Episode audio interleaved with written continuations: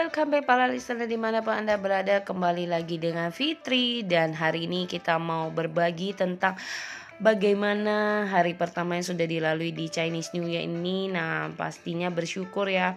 Walaupun sebagian tem, uh, keluarga ada yang udah liburan, tapi bersyukurnya bahwa ada sebagian juga masih bisa hadir dan bisa paini bareng.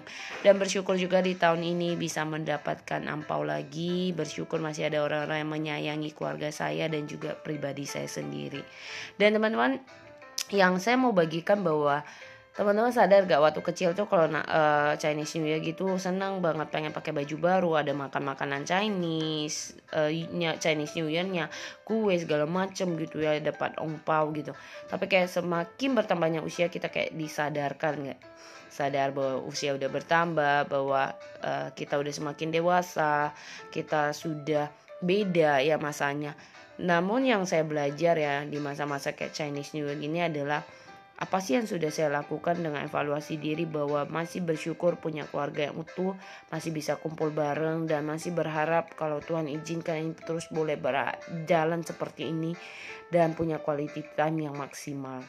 Hari ini yang saya mau katakan ke teman-teman, Anda mau punya keluarga utuh atau tidak pun, manfaatinlah waktu Anda dengan baik karena saya yakin masih ada orang-orang di sekitar kita yang diberikan oleh Sang Pencipta untuk kita boleh bersama, kita boleh berkumpul, kita boleh saling fellowship, saling melakukan sesuatu hal dan sharing hal-hal yang luar biasa.